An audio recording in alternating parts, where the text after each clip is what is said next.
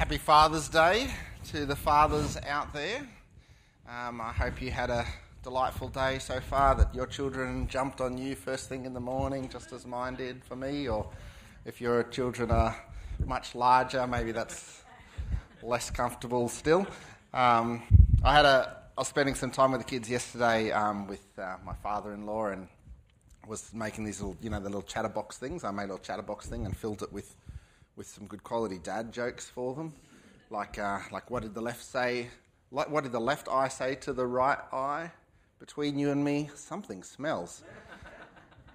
and my kids like cacked themselves, and I was like, I think this is like a stage, like a glorious stage of fatherhood, where your kids actually think you're funny and gives you a false sense of security for the future, really, where it just kind of they realise you're not funny, and then it's all downhill from there. But you've gained your confidence by that point. You just keep on going strong. So, uh, not my sermon this morning, but message to start with to the fathers: just keep going strong. It's it's worthwhile. Um, we all have different people in our lives that are kind of like father figures, and maybe it is a actual biological father, maybe it's a stepfather, maybe it's adopted father, maybe it's just a father figure, someone in, in your life. Uh, and, and different ones of us play that kind of different role as well, um, uh, different uh, mentors, influences in people's lives. And um, your experience of fatherhood and, and your thoughts on fatherhood generally will differ depending on what kind of those experiences are. But there is some great people, I'm sure, that in different people's lives that have poured into you in different ways. We're going to jump into uh, this passage that we've just read in, Math, in John 15. Um, and uh, we're going to see this time where Jesus is really pouring into the lives of his disciples. Uh, John 15 is. Um, it's, it's kind of Jesus, in John, it's, it's Jesus' last kind of teaching before he's separated from his disciples. It's the day, the night before he dies. And so, this teaching that he's doing here in John 15, uh, when the sun sets that evening, Jesus is going to be arrested and he will be taken away. And before the sun sets again, he'll have already died and be put in a tomb. So that's kind of the scenario that's here. And, and, you can see, as we read this, you can see this, this pouring out of Jesus to his disciples, this desperation for them to, to last kind of opportunity. He's going to rise again. He knows that he's got more teaching to give them. But as he prepares them, at least for these next three days, to think about what it means to be a faithful follower. Uh, but the message he tells us, tells them in, in John 15 is not just a message for them for the next three days, but for followers for the future. What does it mean to be a faithful follower? And so we're going to spend a bit of time in that uh, this morning, and we think about uh, fruitfulness and what it looks like to be a fruitful follower. In fact, for the fathers, we might think about what it looks like to be a fruitful father, but for all of us this morning, we want to think about what it, it means to be a fruitful follower of Jesus. And we get some of that in this message that he gives them about fruit, right? We get these very clear pictures of fruit and fruitfulness. And I want to start with this. I want to start with being fruitful follower begins in the source, right? It begins with our identity is in Jesus. He is the source of fruitfulness. Uh, there's a great temptation in life to think about and, and put our identity into different things temptation for us to put our identity in things other than Jesus, uh, different things. Uh, I don't know what it is you kind of, when you think, what defines me? Who am I? we often jump to things like um, what I do for a living, what my family is. Um, kind of, we might think about some of our character makeup. Some of that I find is like those first conversations you have with someone when you're getting to know them and you're introducing yourself. It's like these are the things that we think about define us. Um, I often see it in the conversation, uh, the hairdresser, right? That casual conversation that um, has like those first few questions that seem to be the same few questions every time. Uh, I had an interesting experience at the barber this week. Um, I've often gone to the guy here in Riverstone, um, in the, near the IGA there, and uh, there's two guys there. One I've talked to a fair bit, Amar, the owner. I've talked to him a fair bit. The other guy that's been there the last few t- times, um, Samuel, I, have never talked to him actually. I, I, didn't think he spoke English um, I went to Stanhope Shops this week and he was there as the hairdresser. And he spoke to me straight away. He's like, oh, come on in. And I was like, you speak English. Uh, and then and then we're sitting there and he said, I, I, Actually, at first I wasn't completely sure it was him. I was like, I'm pretty sure, but you've cut my hair before, but not here, and this is really tripping me out. And then he said, Where do you normally get your hair cut? And I was like, At Riverstone. He goes, Yeah, oh, yeah, I, I thought so. Um, he probably thought, I didn't know you spoke English. Um, and he was really chatty, and we kind of went through those initial conversations. And uh, and he showed me photos of his wedding. He got married six months ago, and uh, and he's showing me photos of his wedding and stuff like that. And he asked me this question. He said, "Do you have any sons?"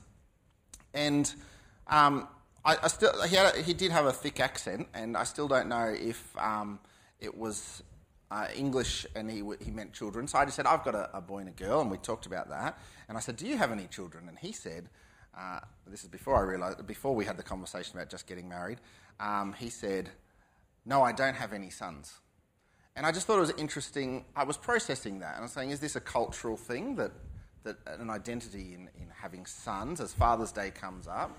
Uh, is it an English thing that he means children generally, and he just used the word son. I don't know. But people do have different kind of things we put our identity in, our meaning. Uh, and, and, there's dangers actually for us to be caught up in that, isn't there? Like we say, this is who I am. So Jesus wants to start, as he talks to his disciples, he wants to start with this message of who they are is in him. Their identity is in him. In fact, he uses this line that we read, that first line in, in John 15 I am the true vine. And for the disciples, uh, we would expect that they understand the picture of the vineyard and the vine as, a, as an Old Testament image referring to God's people. So for the disciples, we would imagine, because fairly throughout the Old Testament, throughout the prophets, this image of a vineyard, we would expect that that's something that they would be familiar with when Jesus says, I am the true vine. Uh, there's a shift there that's happening for the disciples.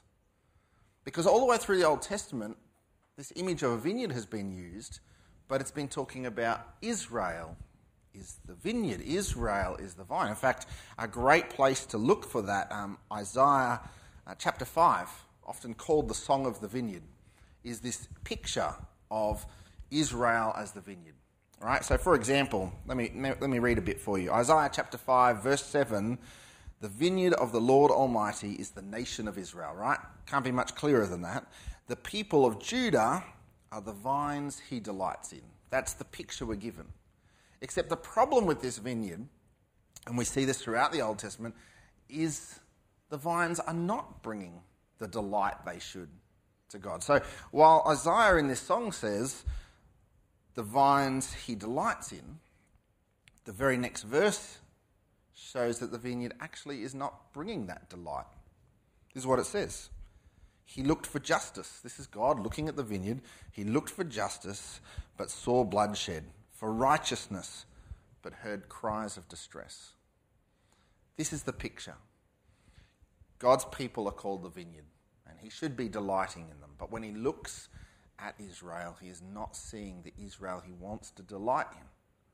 And this is the message that, that we would imagine the disciples are actually quite familiar with the, the Old Testament prophet's teaching on the fact that the vineyard is not bringing delight to the Lord. In fact, we're working through Jeremiah in our regular sermon series, and uh, we see it similarly in Jeremiah. This is Jeremiah 12, verse 10. Many shepherds will ruin my vineyard and trample down my field. They will turn my pleasant field into a desolate, desolate wasteland. Right, so, this is the picture. So, here's what Jesus says they know they should be the vineyard that should bring delight to God. Jesus says, I am the true vine, and you are the branches. What Jesus is doing here is he's taking the weight of that responsibility of being the vineyard of God off them and putting it on him. The weight of, what did Isaiah 5 say? He looked for righteousness. The weight of righteousness Jesus telling his disciples, that is coming off you, that is going on me. I'm carrying that. Your identity, your position before God is made pleasing through me. That is the opening verse I am the true vine, you are the branches. Jesus wants to transform their thinking on the vineyard to say, He is the source. And that is good news for a group of disciples that over the next three, year, three days are going to scatter and flee and deny him and go in hiding. What a great message to them to say, I am the true vine. I am the source. I am the one that when God is looking at you, he sees me and finds you to be pleasing because of me. And it's good news for us as we think about the times that we take our identity and put it into other things, the things we turn away from God, to remember that our identity is in Jesus. It's good news for the Father who feels like he's inadequate, who feels like things aren't working the way he should or feels like he's not discipling his kids as well as he would like to. It's good news for the one who had an imperfect father and wonders, is this, am I destined to be this person? To grow up to be the same as, as him? The one who, who has a father that, that is a lousy father and their identity is caught up in that. It's good news for the one who has a great father and says, I can never live up to him. He is just so amazing and I can never be that person. Jesus wants to say, don't put your identity in those things. Your identity needs to be in me. And it's good news for all followers. No matter what we're putting our identity in, no matter what we are uh, uh, wrestling with in that regard, that we're not worthy, Jesus wants to say, no, you are found pleasing to God because of me. If we are in Christ, we are made pleasing to God because of Jesus. I heard a pastor, Jamin Roller from uh, Village Church in the States, say it like this. He says, If you want to live an exhausting, doubt filled, anxiety filled life, doesn't sound like something anyone wants. If you want to live that, then go ahead and live your life as if your practice determines your position before God. Because if you live your life as, your, as if your practice determines your position God, before God, every time you fail, every time you're not good enough, every time you do the wrong thing, you just lose your focus on being one of God's children. Jesus starts with this. This is our starting place. Our identity, our position is made pleasing before God because of Jesus. And our position defines our purpose.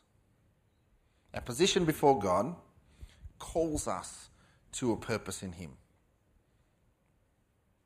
Once again, like identity, things can drag us away and distract us.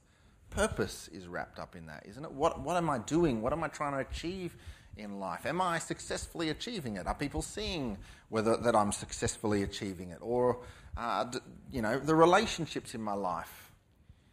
Uh, maybe, maybe there's things in your life that you think are distracting you, you, you're trying to drive your purpose towards those things, they can distract us from God. Jesus wants to say your position is in Him, and that calls us to a purpose that is eternal.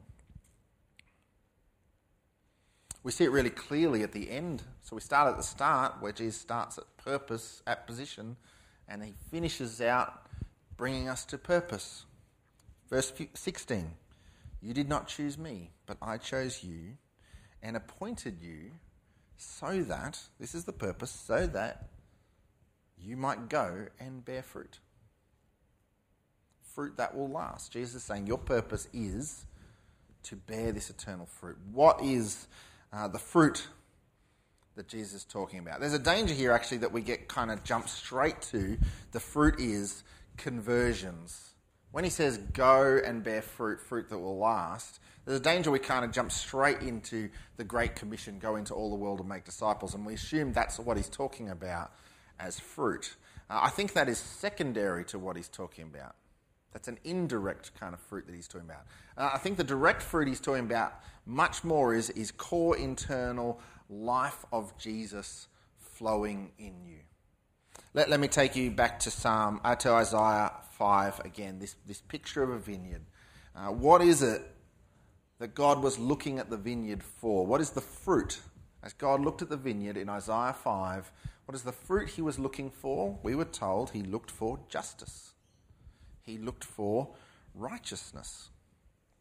That is the fruit that God was looking for as he looked for the vineyard. He's looking for his life flowing through that vineyard.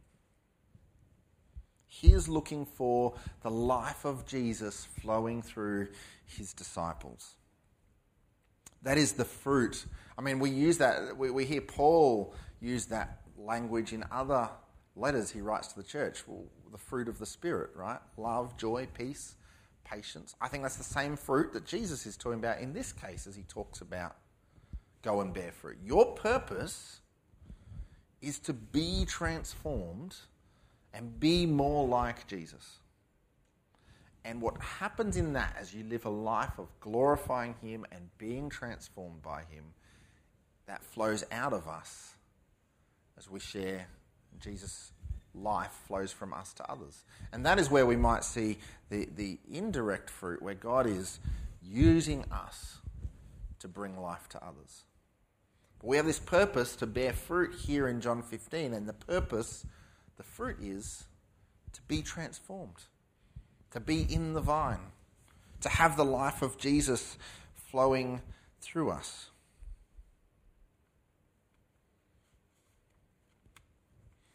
So we want that to be coming through us and pouring out of us. Our position before Jesus calls us to a purpose.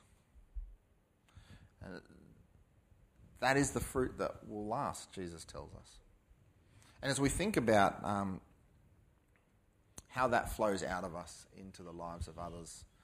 Uh, I, I, said it a few weeks ago that um, when we say one thing but do another, when we say I follow Jesus but I do another, we call that hypocrisy. Like when we are hypocrites, when we have hypocrisy, the fruit of hypocrisy is often seen predominantly in the spiritual impact of those around us.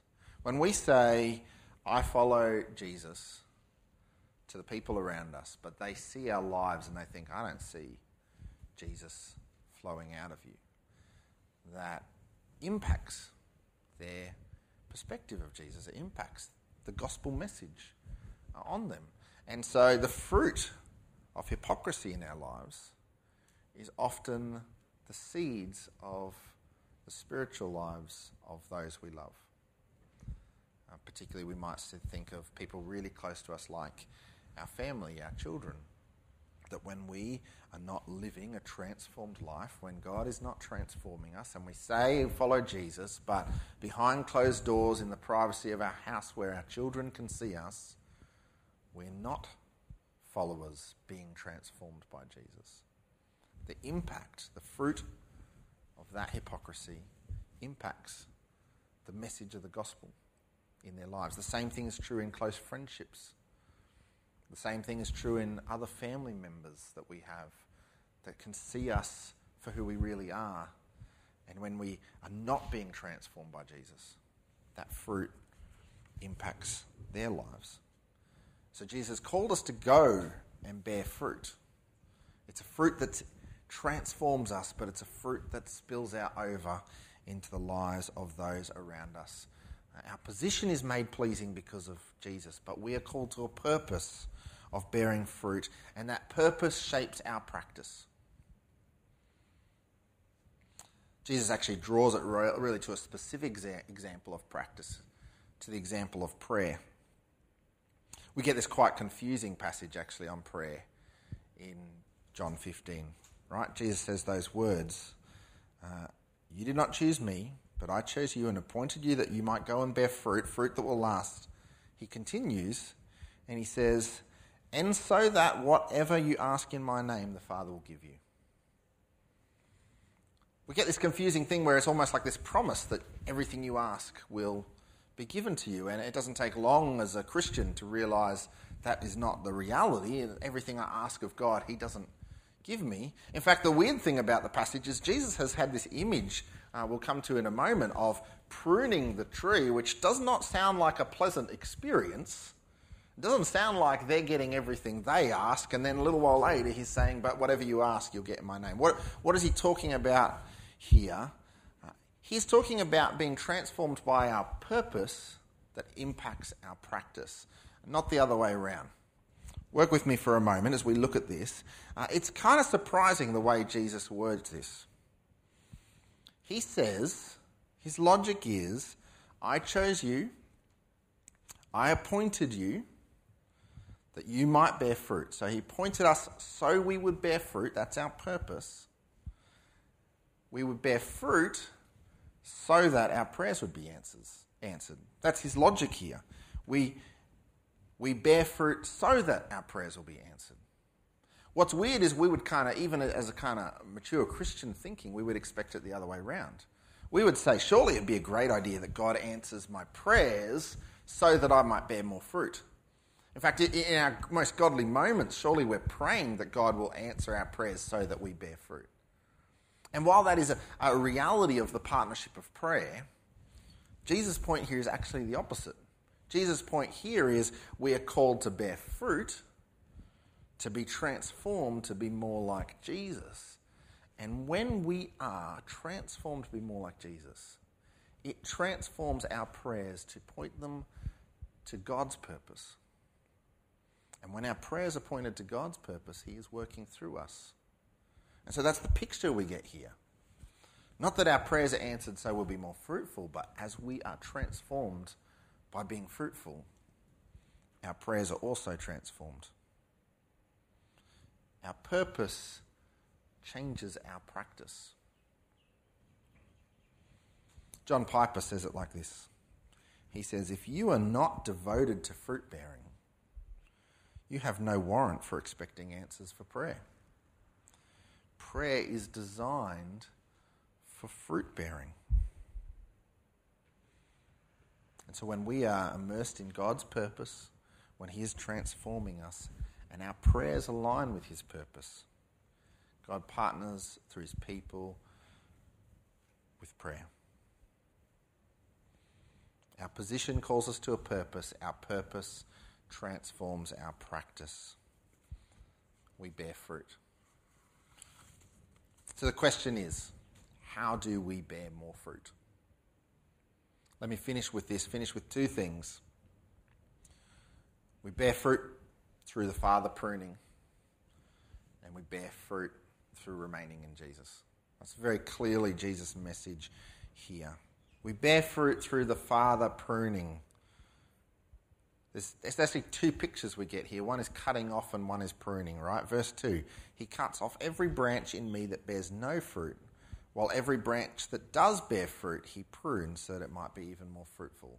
Two pictures cutting off. There's actually a really tangible example of that happening right as Jesus speaks. Right as Jesus speaks, Judas is heading off. He is already, they've already had the Last Supper. Jesus has already sent him out the door. He's heading off to the religious leaders to betray Jesus. So that is happening over here, and Jesus is telling his disciples, There are some that are not going to be in.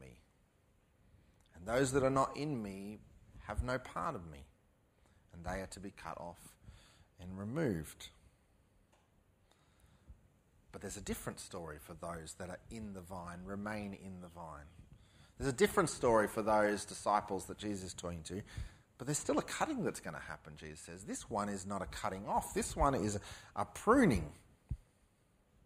I really love the illustration of Jesus, of, of the Father as a gardener and pruning, because I feel like it really uh, well depicts what Christian life feels like sometimes. The idea that this uh, painful process is bringing rejuvenated life. When I was a kid, um, I lived on a kind of combined property. Um, and uh, we had a tree. It was kind of between the properties, but it was more on the neighbour's side, a mulberry tree. And uh, it was not a huge tree, it was big enough to climb in, and it was bushy enough most of the year round to hide in. And um, we hadn't kind of built a treehouse in there, but we used to play in there a lot. Uh, every uh, winter, the neighbour would trim the tree.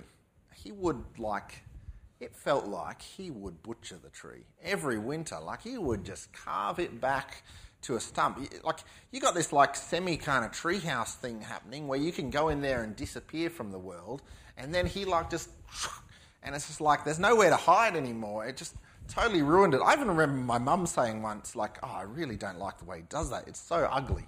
Um, a couple of years ago, we got a mulberry tree in our backyard. And uh, turns out, in winter, whether you cut its leaves or not, a mulberry tree drops all its leaves, right? Actually, a mulberry tree looks reasonably ugly during winter. In fact, it wasn't the neighbour that was making it look ugly. Uh, it actually kind of just drops all its leaves and it becomes this spindly. There was never going to be a place for me to hide in it in the winter. Uh, and I never realised that. And what was actually happening there was not him butchering a tree because he just, you know, was brutal in his way he was managing this tree's growth. Um, but he, actually, he was pruning it so that it would stay healthy, so that it would uh, have another season. And every year it did. And every year I enjoyed the way that it was so bushy and thick and we could hide in it. Uh, and the truth is, that probably was the case because he was pruning it. And I think it's such a helpful illustration for us to think about what Christian life looks like. Because so often, God is working through us in what feels like a painful, feels like even an ugly time where it just, you're thinking, where is the life? What is God doing? But it is in those times, and Jesus is telling us that it is in those times that He is making us more fruitful. And the reality is, I think we often look back on times in our life and you think about the times where you really feel like God drew you closer to Him most often, perhaps maybe even all the time, you look back on the, the more difficult times. It's rare, actually, we look back on the cruisy times or the times of great blessing that we think, oh, yeah, God was really teaching me something then. It's almost always the times that were difficult, the times that were pruning. And I think it's a helpful image for us to see when we are particularly wrestling with those times, to, name, to know maybe it feels like things are really ugly. Maybe it's hard to see what God is doing, but we want to trust in the promise Jesus has told us, which is those that are in the vine get pruned, God works on them. In fact, I heard a, a, a preacher, Kent Hughes, um, say this. He drew the illustration this way. He said, the hand of the gardener is never closer than when the pruning takes place. The reality for us is we feel at those times often like that is when God is distant from us. And more often it is when God is working through us, transforming us. I think it's this wonderful picture, as painful as the picture is there is a joy and a hope that comes in that picture. And when we look back and we see those times that God, drew us closer, and we, we may even get to a place, hopefully, that we can praise God for the way He drew us. And maybe we left in a place where we say, It's great that God drew me closer to Him, but I wish He did it another way. Sure, but He did it and He drew us closer to Him, and that's, that's the way He's working through us, transforming us to be more like Him.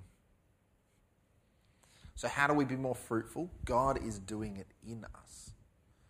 But there's also a responsibility on us, Jesus says. He says, Remain in me as I remain in you.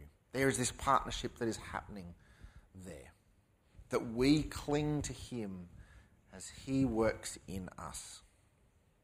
And so we want to take that encouragement as well. That not only we are confident God is working in us even in the difficult times, even when we can't see Him. But we need to work at pursuing Him. We are made pleasing to God because of our position in Jesus, but it impacts our practice. We want to be, it drives our purpose, which transforms our practice, and we want to be seeking Him. And I want to encourage you this morning as you think about what remaining in Jesus looks like for you. And maybe there's some things in your life you need to work harder at spending time with Him, figuring out uh, how you better align your lives with Jesus. But we are called to that purpose, to be fruit bearing. So we want to be transformed from the inside out. And in turn, that flows out into the rest of our lives. So let me finish with that encouragement. Our position before God is in Jesus. It transforms our purpose, which shapes our practice. So we want to finish with that encouragement to work at remaining in Jesus, to work at abiding in fellowship with Him, to spend time in His Word, to spend time in prayer, to spend time serving Him in our lives. That we might live to our purpose, which is to bear fruit. The transforming work of Jesus that flows up out of our lives into the lives around us. Let me finish by praying. Father God, we thank you that you are the life giver. We thank you that you sent Jesus that the weight of responsibility of our righteousness might be laid on him. That while we know we often fail you, we have been made pleasing in your eyes because the salvation of Jesus. We pray that that position before you might impact our purpose and shape our practice, that we might cling to you as we are confident you cling to us. In your name.